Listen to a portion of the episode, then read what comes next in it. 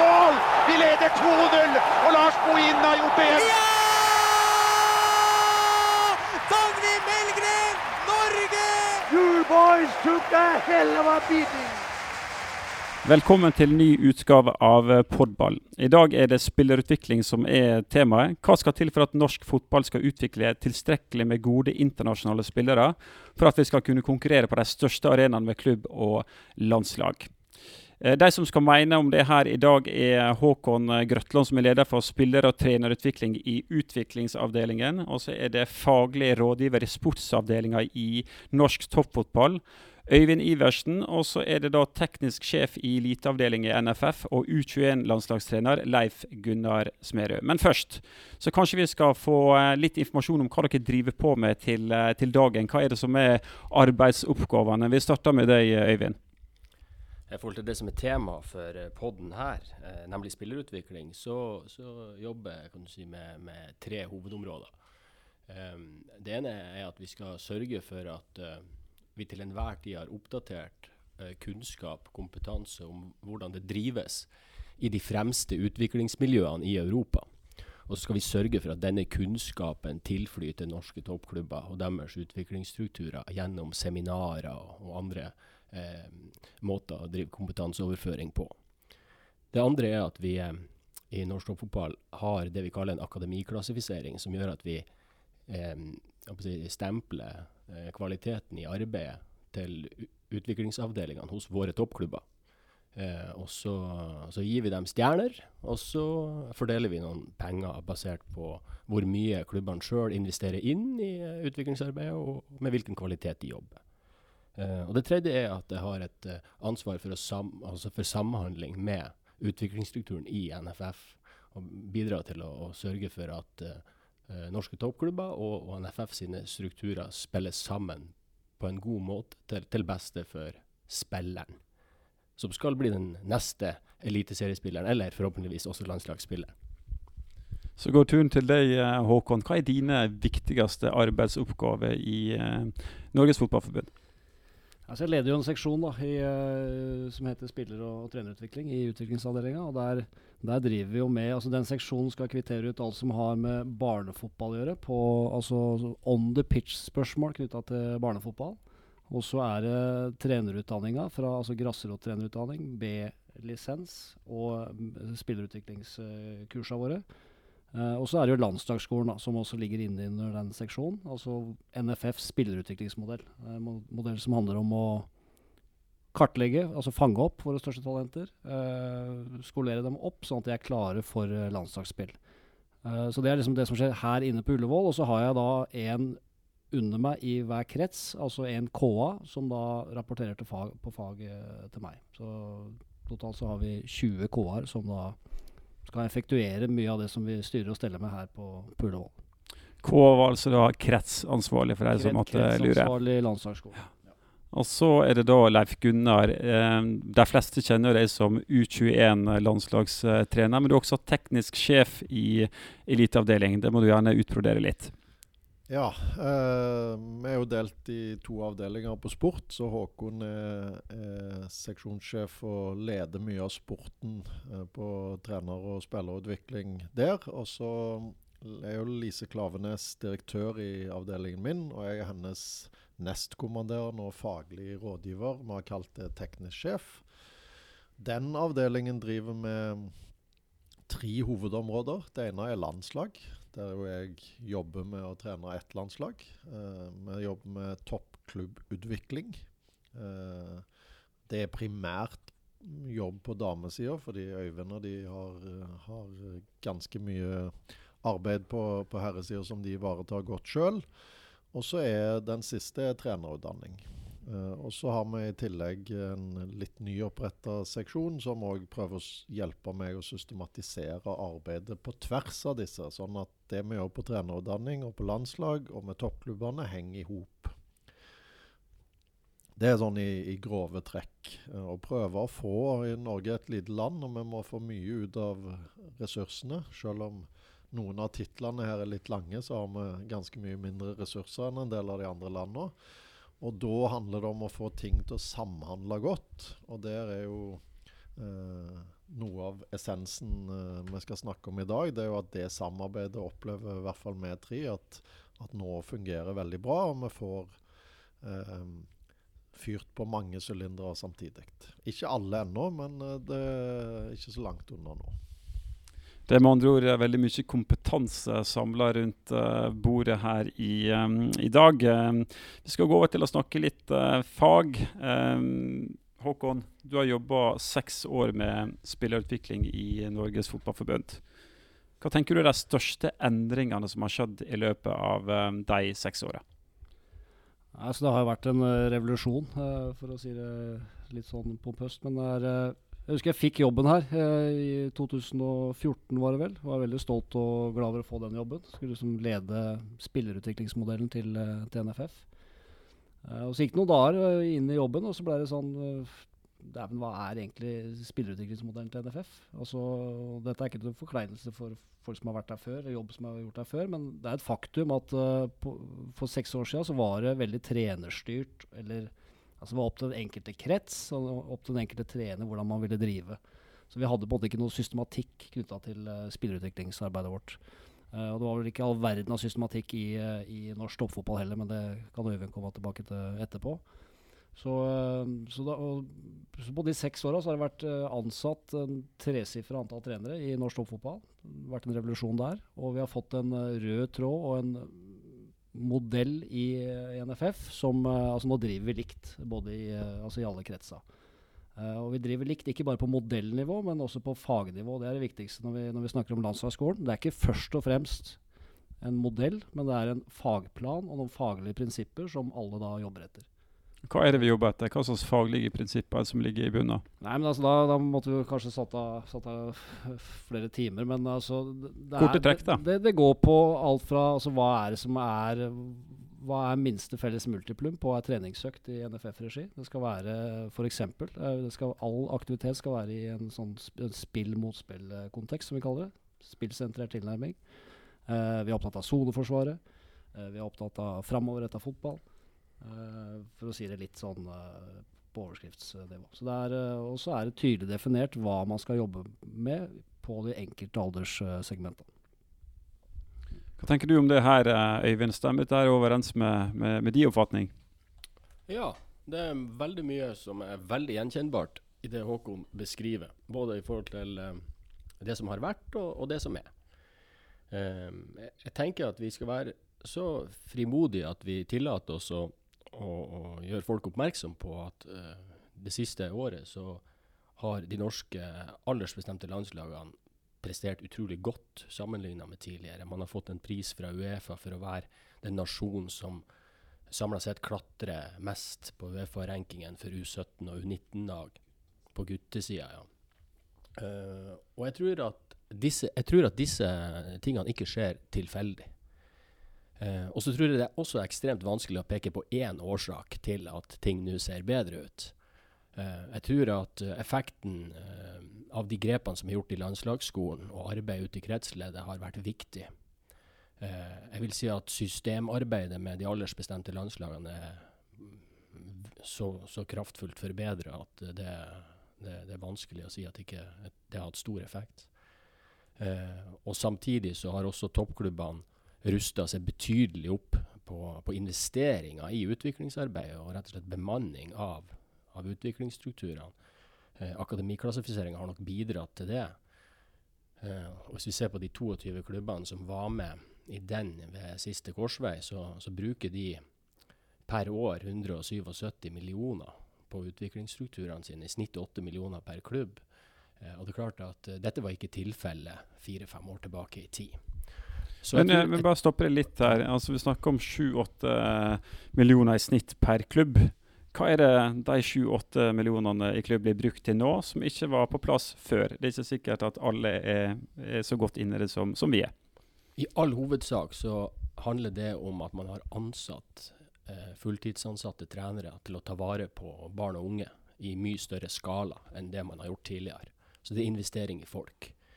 Um, den siste faktoren som jeg hadde lyst til å nevne, i tillegg til de tre, altså kvalitetsforbedringer i toppklubbene sitt arbeid, i landslagsskolen og, og, og, i landslagene som sådan, det er nettopp samhandlinga mellom strukturene.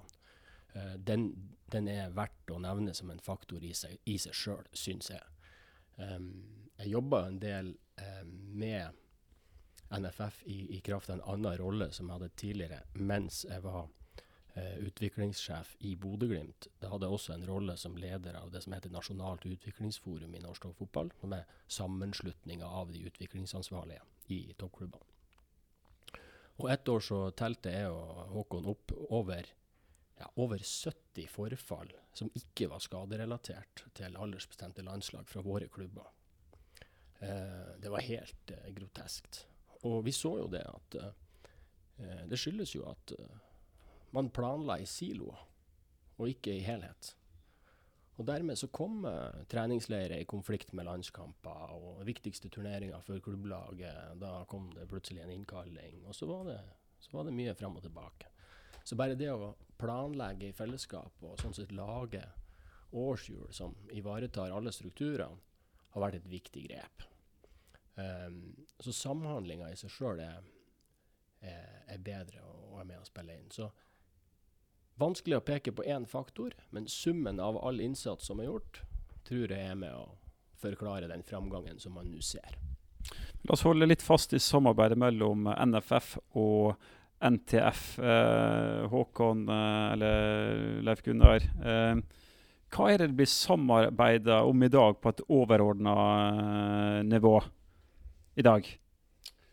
Uh, ja, altså uh, Det er på to nivåer. For det første så er det det samarbeidet som foregår ute i uh, den enkelte krets. Uh, hvor, man, hvor toppklubb og krets samarbeider i stor skala rundt landslagsskolen. eksempel er at et tresifra antall trenere tilknytta toppklubber har operative roller rundt kretslagene våre, sonelag osv. Så, så det er en flott arena for toppklubb òg, både kartlegge, identifisere spillere, men også få bygge relasjoner til klubba rundt.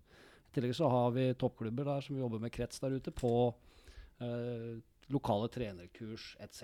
Så det er det som skjer her ute i kretsa. Og så kan Leif Gunnar si litt mer om det som skjer her inne. Det er Eh, ja, sånn et konkret område som jeg føler har, har, gitt ganske bra suksess så langt, vi har gjort det i to år nå, Øyvind, det er at vi har eh, hatt det vi kaller referanseseminar. Nå er det ansatt mange trenere. Eh, de står på og gjør så godt de kan.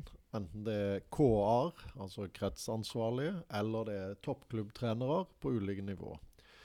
Det vi tenker, er at det er ingen, eh, det er ingen grunnleggende problemer med at en norsk spiller skal bli like god som en tysk eller engelsk eller en spansk. Men de tyske, engelske og spanske har kanskje denne toppfotballen og hvor, hva kreves. Hvor gode er de beste? De har det enda tettere på seg i hverdagen de liksom er i en by og er i et land der det er Champions League-fotball hver uke, og der det er kultur for å utvikle veldig gode spillere og lag. Nå er det en stund siden vi har vært i Champions League, og det er en stund siden vi har vært i mesterskapet med A-laget. Så avstanden til, til, det vi kaller referansen, altså hvor gode er de beste, og hva er egentlig bra, den er litt stor. Men i og med at de aldersbestemte landslagene våre har gjort det bra, uh, og vært i flere mesterskap på rad, så har vi tenkt at her kan vi slå to fluer i én smekk. Så da har Øyvind og toppklubbene vært veldig interessert i å bli med. Så har vi fra NFF og NTF sammen lagd et seminar over tre dager, der trenere fra klubbene kommer ut og får sitt de beste 17-åringene, de beste 15-åringene, de beste 19-åringene i mesterskap. Og Det gjør at når de kommer hjem igjen og sier bra til Per eller Pål, så har de annet, en annen forståelse av hva bra er. I tillegg så er jo dette en Altså, Vi er jo folk, så det skader ikke å ha det gøy å lære hverandre å kjenne heller. Og det skjer òg på disse seminarene. En bygger liksom den gode fotballdiskusjonen på disse. Så vi prøver å fylle på med fag og referanse, og så prøver vi å lære av hverandre i den mer uformelle settingen og se kamper sammen. Og her Det er ett eksempel, da. Men det som Øyvind og Håkon er inne på med å få strukturene til å samarbeide, hva betyr det? Jo, det betyr at det er en, eh, det er en fryktelig stor koordineringsjobb som skal gjøres. Du skal koordinere et helt land. Og det er ingen andre som klarer det. Men de her to begynner nå å få det til, der vi har en felles kalender. Og der det er sagt at den helga så spiller klubbene NM eller uh, nasjonal serie. Denne helga så er det landslagsskolen som er prioritert med sine talentsamlinger. Denne uka må vi huske at da er det EM i Irland for 17, så da må vi ikke legge tiltak der. Ikke for å være slem, altså, men det hørtes ikke så veldig komplisert ut. Hvorfor har ikke man gjort det her før? Det er mer komplisert enn en skulle tro. Uh, og så for de som har uh, stått i dette lenger enn meg. Jeg har ikke vært så tett på akkurat den diskusjonen før, men det har både Håkon og Øyvind, og det er de som har ordna opp i, i, mye av dette nå de siste årene. Ta kort om Det da. Ja, det, altså det er ikke bare her å plotte inn ting i en kalender. hvis Det er, eh, det hørtes nesten sånn ut. Så, men det som gjør det komplisert, og det er ingen andre som får det til. Det er ingen andre nasjoner som får det til. Og det som er vanskelig, eh, men som vi har fått til, er en anerkjennelse av hverandre. Og en, uh, man ser verdien av hverandres tiltak. Uh, for det, det, er ingen som tvinger oss til å samarbeide. Vi kunne, NTF og toppklubba kunne bare kjørt på og sagt at vi, det vi driver med, er viktigst. Vi, vi, NFF-krets, gjør hva dere vil. Vi vil ikke være med på mer enn det vi må være med på. Og vice versa. Og så hadde og det, sånn er det jo i alle andre nasjoner. Uh, for å sette det litt på spissen. Det vi greier, er at vi, vi, vi ser verdien av hverandre, og vi, vi, samhandler. Og det er vi nødt til å gjøre i et lite land som Norge. Og det, jeg mener det er spisskompetansen vår, altså, som gjør at 1 pluss 1 blir 3. Altså at vi, jobber sammen. Så, så, det er, vel, så det, er, det, er, komplisert å få til, men vi er i ferd med å Vi har fått det til. Dere var litt inne på at våre yngste landslag, eller aldersbestemte landslag, har gjort det veldig godt mot gode nasjoner uh, ute. Samtidig så peker vi på utfordringer på det å få enda flere enkeltspillere opp på det øverste internasjonale nivå. For Én ting er å være god som lag, en annen ting er å utvikle gode nok enkeltspillere som skal ta steget. Hva er det skoen trykker der for at vi skal utvikle enda flere internasjonale, internasjonale toppspillere i, i, i framtida? Jeg kan ta en runde på alle tre. Jeg tror at det er det viktig å se at det er et uh, ganske langt løp. Når en snakker spillerutviklingsløpet, så er det egentlig fra du starter som spiller til du slutter, selv om en del av de eldre nok begynner å seg uh, Nei, begynner å slutte å utvikle seg mot slutten. Men hvis en skal ta det, det gapet, det siste steget på et vis, fra du er 18-19 til du er etablert som A-spiller eller A-landslagsspiller i beste fall, så er jo det et ganske langt steg. Det er over flere år.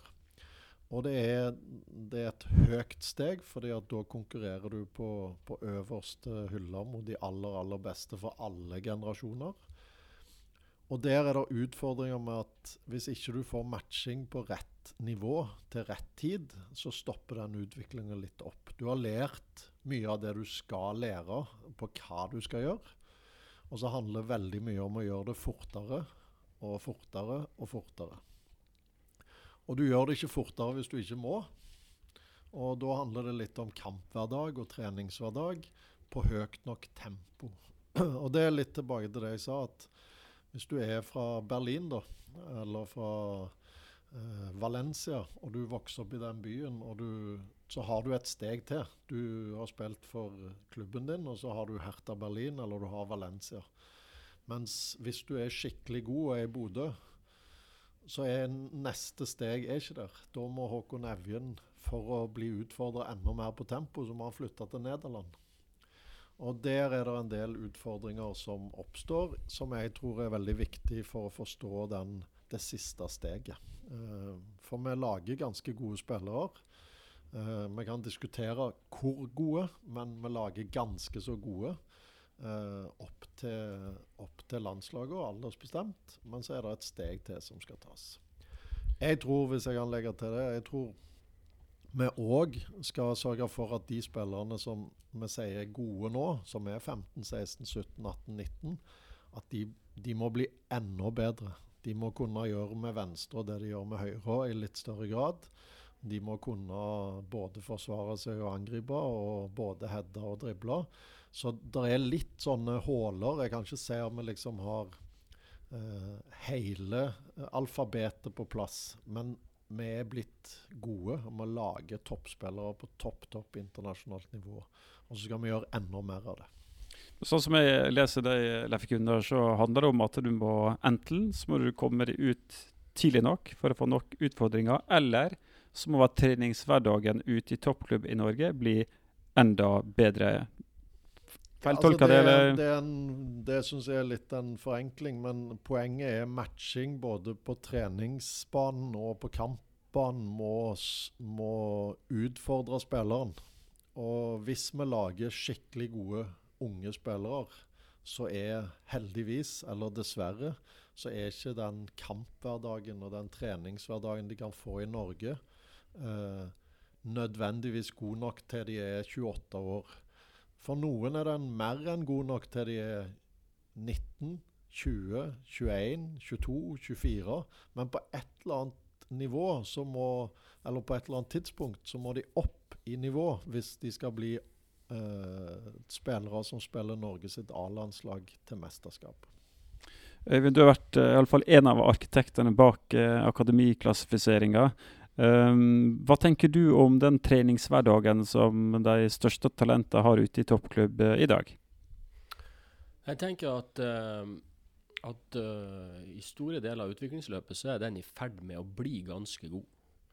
Um, og så må vi være klar over at vi som utviklingsnasjon er, relativt ung fortsatt, i betydning av at vi har profesjonelle utviklingsstrukturer i toppklubbene våre. Altså vi skal ikke mer enn fire-fem år tilbake i tid, for antall heltidsansatte trenere i klubbene våre er et helt annet. Så vi er ganske unge. Um, men jeg er enig med uh, Leif Gunnar i at vi, vi, må knekke på plass det siste steget. En av de, tingene, en av de nasjonene som vi innhenta uh, mange referanser fra når vi laga akademiklassifiseringa, var jo Nederland. Um, en klubb vi besøkte, besøkte ofte, var jo Ajax. Um, en um, erkjennelse de hadde gjort, var jo at uh, selv Nederland, med den fotballøkonomien som var der, kunne ikke konkurrere om det uh, ypperste. altså i konkurranse med penger fra Premier League osv. Deres, deres mulighet var å utvikle spillere som var gode nok til å spille RS-divisjon når de var 17 år. Sånn at de fikk eh, kamper på dem tidlig. Sånn sett fikk eh, godt betalt for dem når de ble solgt videre da, til det neste steget.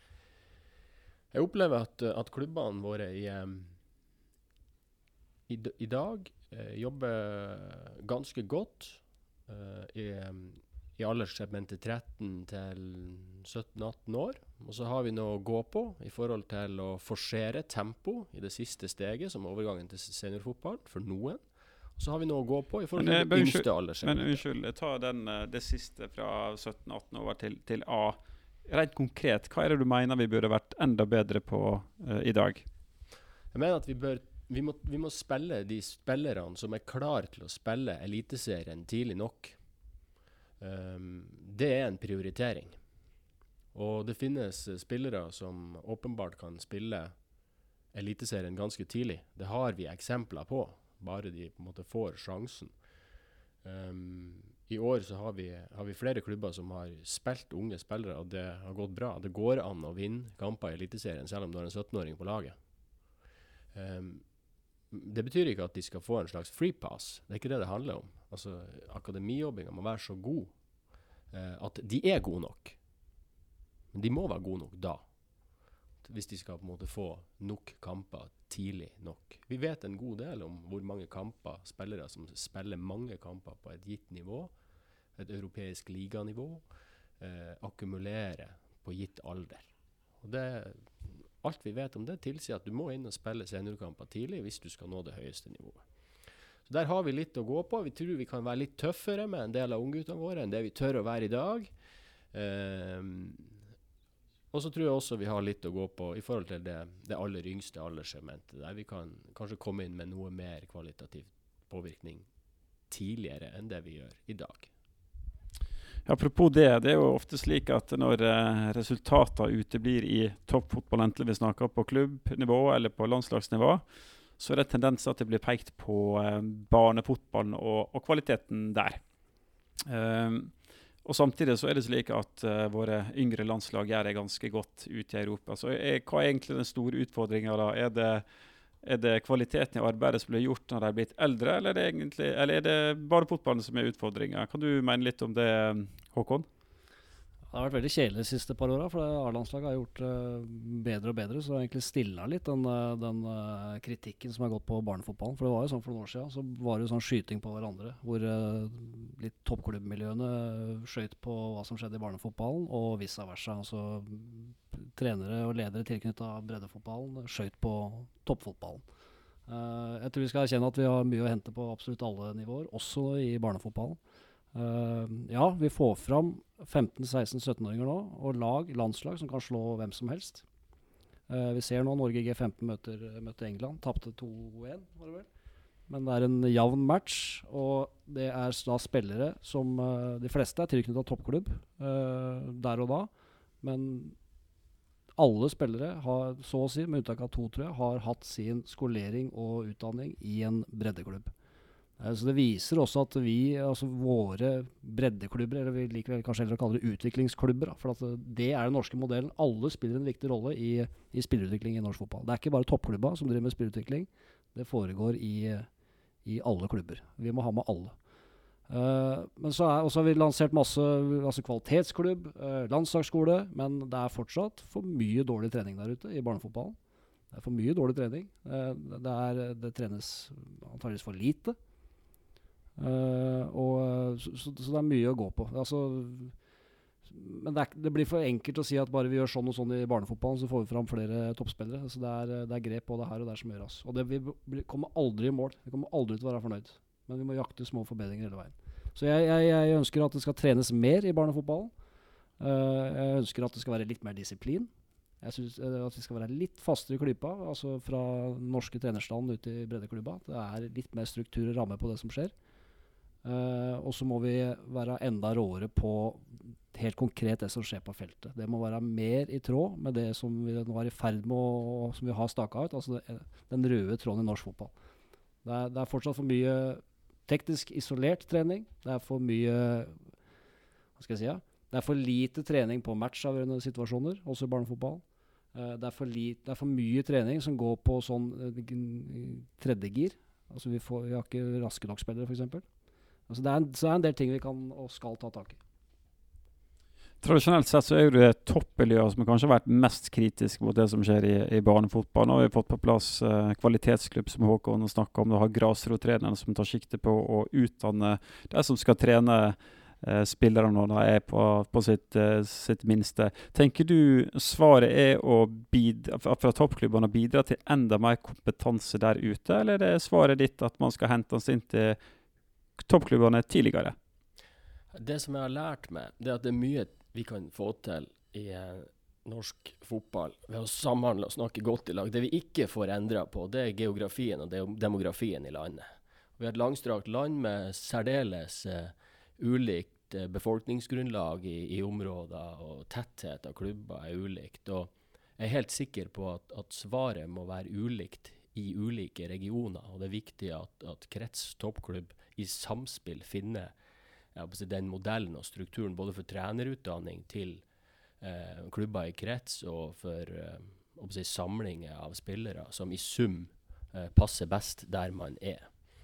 Uh, så jeg syns ikke det er et enkelt svar å gi. Jeg tror at svaret er at det må gjøres uh, ulikt uh, mange steder. Men jeg vil slå et slag for tilpassa opplæring som prinsipp. da. For det er nå alltid sånn at at på et eller annet tidspunkt så er det noen som, som kommer lenger, enten man si, spiller sjakk eller uh, man uh, er på skolen og skal bli ingeniør, eller om man spiller fotball. Og så er jo fotball også et, uh, et relasjonsspill og et, et spill som, som spilles ja, på det høyeste nivået, som, som Leif Gunnar er opptatt av å snakke om referansene i forhold til, så spilles fotball i dag på på, med et høyt tempo. Mm, spilles på fot og i rom. Kritisk uh, i, i sånn romforhold i kampavgjørende situasjoner. Det er tett og trangt. Og vi er nødt til å på et eller annet vis skape treningsgrupper som setter spillerne i stand til å få øvd på de kampavgjørende situasjonene som Håkon snakker om. Um, hvordan man gjør det, det tror jeg man kan diskutere. Jeg tror det finnes mange ulike uh, tilnærminger til det. Eh, men det er jo ikke noe å legge skjul på at eh, mange av oss skulle gjerne sett at landslagsskolen hadde starta to år før.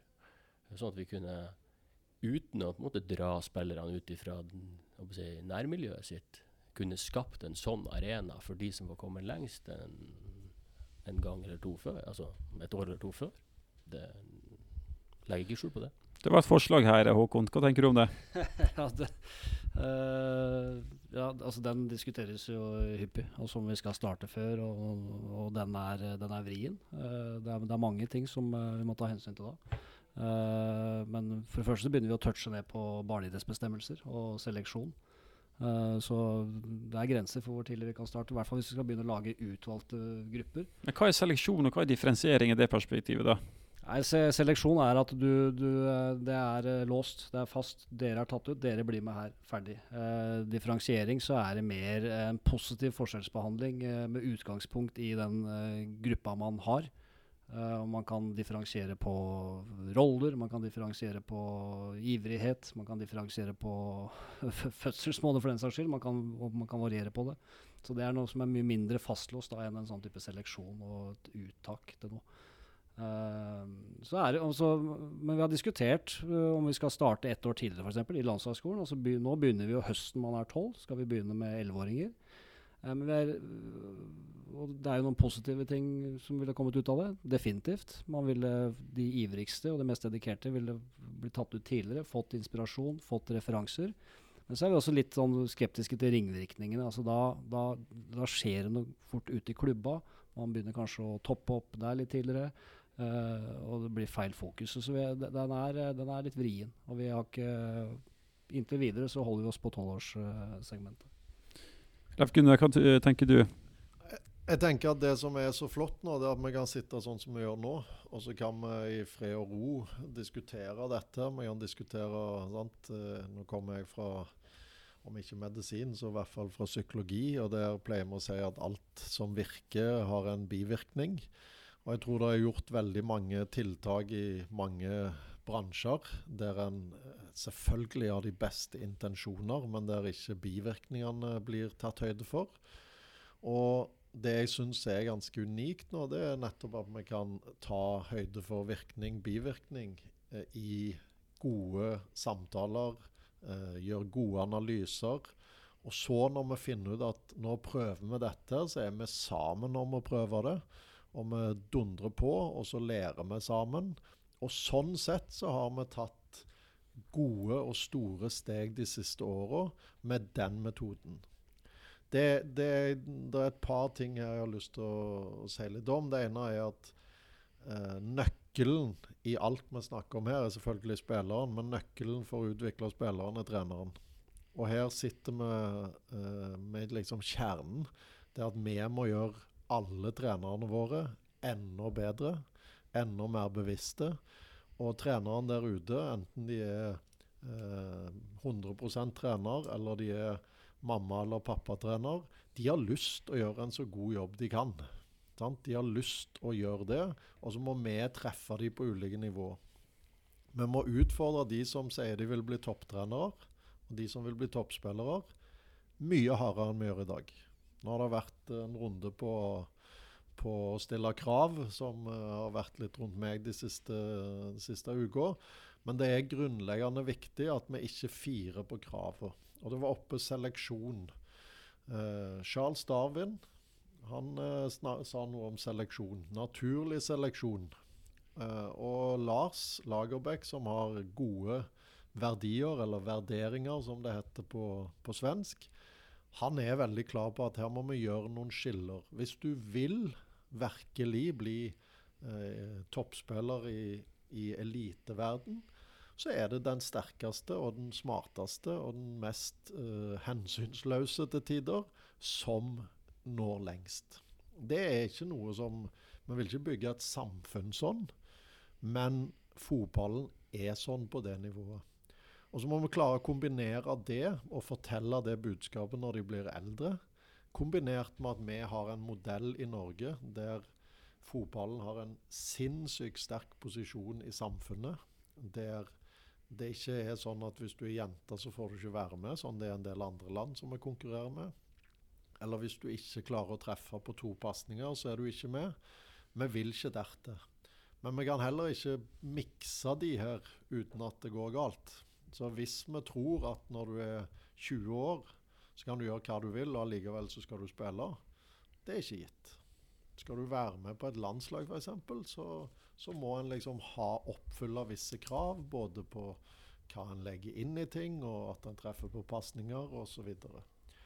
Og nøkkelen i dette er treneren, den gode voksne, som klarer å treffe med påvirkningen og med budskapet når de er 6 år, og 8 år, og 12 år, og 16 år og 22 år. Og her tenker jeg at vi har liksom eh, en veldig fin mulighet nå. Det siste jeg tenker om det som er sagt er at jeg, jeg merker jeg går rundt og er litt bitt bekymra. Fordi eh, de siste åra så har vi virkelig dratt strikken. Eh, det har vært en enorm utviklingshastighet. Det har vært masse jeg vet ikke om jeg skal kalle det reformer, men det har vært masse endringer. Det har vært stilt masse krav i akademiklassifisering, det har vært stilt masse krav gjennom landslagsskolen, det har blitt stilt masse krav gjennom kvalitetsklubb. Krav som er litt sånn for en del trenere ny i formen. En skal dokumentere, en skal planlegge, en skal ha en skriftlighet inn i det. Og jeg er bare opptatt nå at nå må folk holde ut. Uh, for av og til så er det sånn at det der koster mer enn det smaker.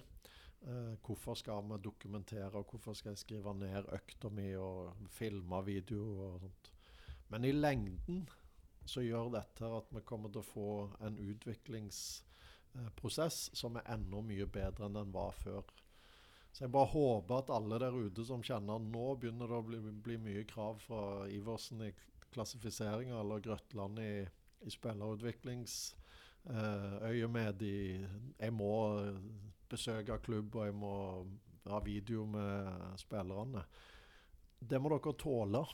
Uh, jeg skjønner at det er slitsomt, men stå i det. Så begynner vi allerede å se noen små resultat. Ikke små, men eh, Haaland og co. Uh, og det kommer bare til å bli bedre. Bedre og bedre, men hold ut. Vi kunne sikkert uh, sittet noen uh, timer til. Uh, er det noen uh, andre viktige ting det Håkon Øyvind har lyst til å legge til på tampen her? Nei, jeg tror at vi har, vi har, vi har toucha innom litt av det vi skulle snakke om. da.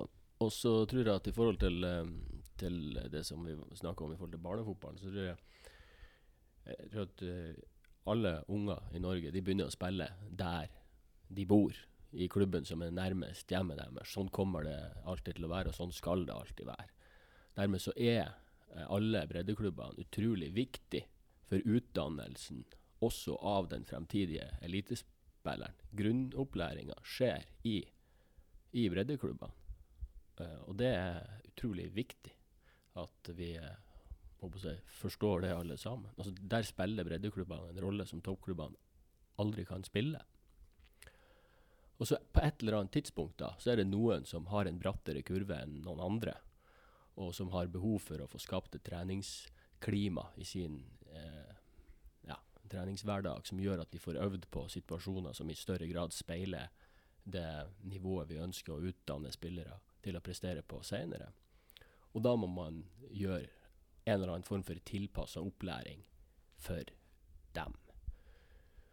Og um, da kan både kretsen gjennom landslagsskolen og toppklubbene spille en rolle. Men det avgjørende er selvfølgelig at det er kompetente voksne som leder all sånn type aktivitet.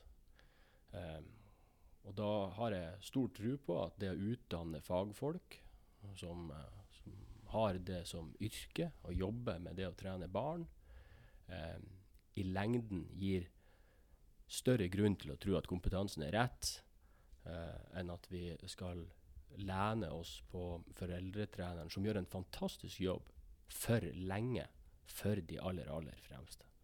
For det er forskjell på å ivareta de som virkelig ønsker å se hvor langt de kan ta potensialet sitt, har en glødende interesse for spillet, og de som er interessert i å være med og spille. Mm. Norsk fotball må makte begge deler. Vi må, vi må evne å være den samfunnsaktøren som, som vi har klart å være best i verden i forhold til breddeaktivitet. Det er skitviktig. Og så håper jeg at vi også skal bli enda dyktigere på å utvikle flere gode nok toppspillere, sånn at det ikke går 20 nye år før vi er med i et mesterskap med A-landslaget for herrer. Vi kan vel, eh, sånn som jeg leser diskusjonene her, så er vi veldig enige om at vi har fått etablert veldig mange gode strukturer i norsk fotball. Både for uh, ungdomsspillere og, for, og, i barnefotballen. Men dette handler om å få enda mer kvalitet inn i strukturene. Og så har vi sittet her med, med en representant for uh, norsk toppfotball. Og, derf og Derfor så har vi toucha først og fremst innom det som går på guttesida. Men det er jo viktig å få frem at de de oppleggene vi har på, i, på, eh, fra Ullevål og ute i, i, krets, så er det et likt tilbud til gutter og jenter. At vi har klart å få fram dyktige, gode internasjonale spillere både på gutte- og jentesida de siste åra, eh, Håkon.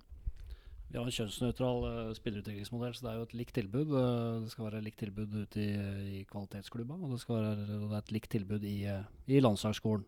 Og så er det jo litt forskjeller på når det gjelder toppklubba, og det handler jo om økonomi. Men vi ser jo nå at uh, på jentesida så, så, kommer jo klubba Nå er toppklubba, altså toppserieklubba, er jo der hvor toppklubba på herresida var for en 13-14 år siden. Nå begynner man å ressurssette, ansetter uh, toppspillutvikler, utviklingssjef, og så får vi håpe at ballen da bare ruller, ruller videre. Så det er mye positivt på gang der. Men jeg vil spole litt tilbake her, for at, og det er viktig for meg å si uh, at det Ja, vi har vi har landa strukturer. Vi ønsker mer kvalitet på alt, også i barnefotballen. Men da ikke først og fremst for at vi skal lage den der neste A-landslagsspilleren. Det, det, kan ikke være hovedmålet med det som skjer i barnefotballen. Altså At alle, skal, alle rundt i tunet skal ha som mål for øye å lage en A-landslagsspiller. Det blir et resultat av at vi Altså Hovedmålsetting er at flest mulig skal gå ut av den treninga hver dag og ha hatt en god fotballopplevelse. Uh, og Vi har jo en definisjon på talent i NFF som vi sier at det er eierskap til egen utvikling. Altså Talent det handler ikke om hvor god du nødvendigvis er her og nå, men du har et eierskap til egen utvikling. Uh, altså Du trener mye, er til stede og osv. Uh, det siste så har jeg tenkt at egentlig så handler det ikke om eierskap til egen utvikling. Det handler om at du, du elsker spillet. Du elsker å spille fotball. Og, og det må være målsettinga med det vi driver med i barne- og ungdomsfotballen. At vi får fram flest mulig som elsker å spille fotball. Uh, for da har vi en, en, masse hvor noen vil knekke noen koder etter hvert og bli veldig, veldig gode. Så bare så vi får fram den fra vårt ståsted. At vi, vi driver ikke med noe proffskolering og har ikke noen tanker om det når vi snakker om 10-11-åringer. Det, det, er jo her da i, i samspill at vi har ulike roller. Sant? Øyvind er ansatt, og NTF er oppretta for å lage de toppspillerne. Håkon er ansatt og har som jobb å lage mange gode spillere og gi et tilbud som treffer mange. Uh, og så har jeg litt en oppgave som går på å prøve å koordinere noen ting og tenke trenerutdanning inn i dette. Og tenke at klubbutviklinga, som Håkon var inne på på jentesida, inn i dette. Og landslaget sin funksjon er å gi litt sånn Nå er vi så gode i forhold til Sverige og Finland og Danmark og Irland og sånt og så spiller det tilbake. Så i det, i det arbeidet og det klimaet vi er nå, så er det ikke sånn at vi har helt like oppfatninger om alt. Vi skal ikke ha det, for vi har ulik oppgave og ulik vekting. Men vi er enige om noen viktige ting, og vi tar diskusjonene i, eh, i gode rom, sånn som dette. Det er ikke bare gode rom. Jeg vet ikke om du vil dele hvordan vi, vi har hatt noen Vi har jo landa noen, eh, Øyvind. Altså på Ja, ja. Nå er jeg spent. Her vi har hatt noen diskusjoner der vi har uh, rett og slett uh, møttes over en øl per telefon. Tatt oss hver sin halvliter og så blitt enige om hvordan det her måtte gjøres for å finne et godt kompromiss. Og så har vi kommet i havn stort sett hver gang. Det skal vi fortsette med. Det høres veldig bra ut. Jeg tror vi setter strek der. Forhåpentligvis har vi blitt litt klokere på hva spillerutviklingsarbeidet i norsk fotball eh, går eh, ut på. Jeg oppfordrer dere til å gå inn og rate Podball på iTunes. Tusen takk for at dere hørte på.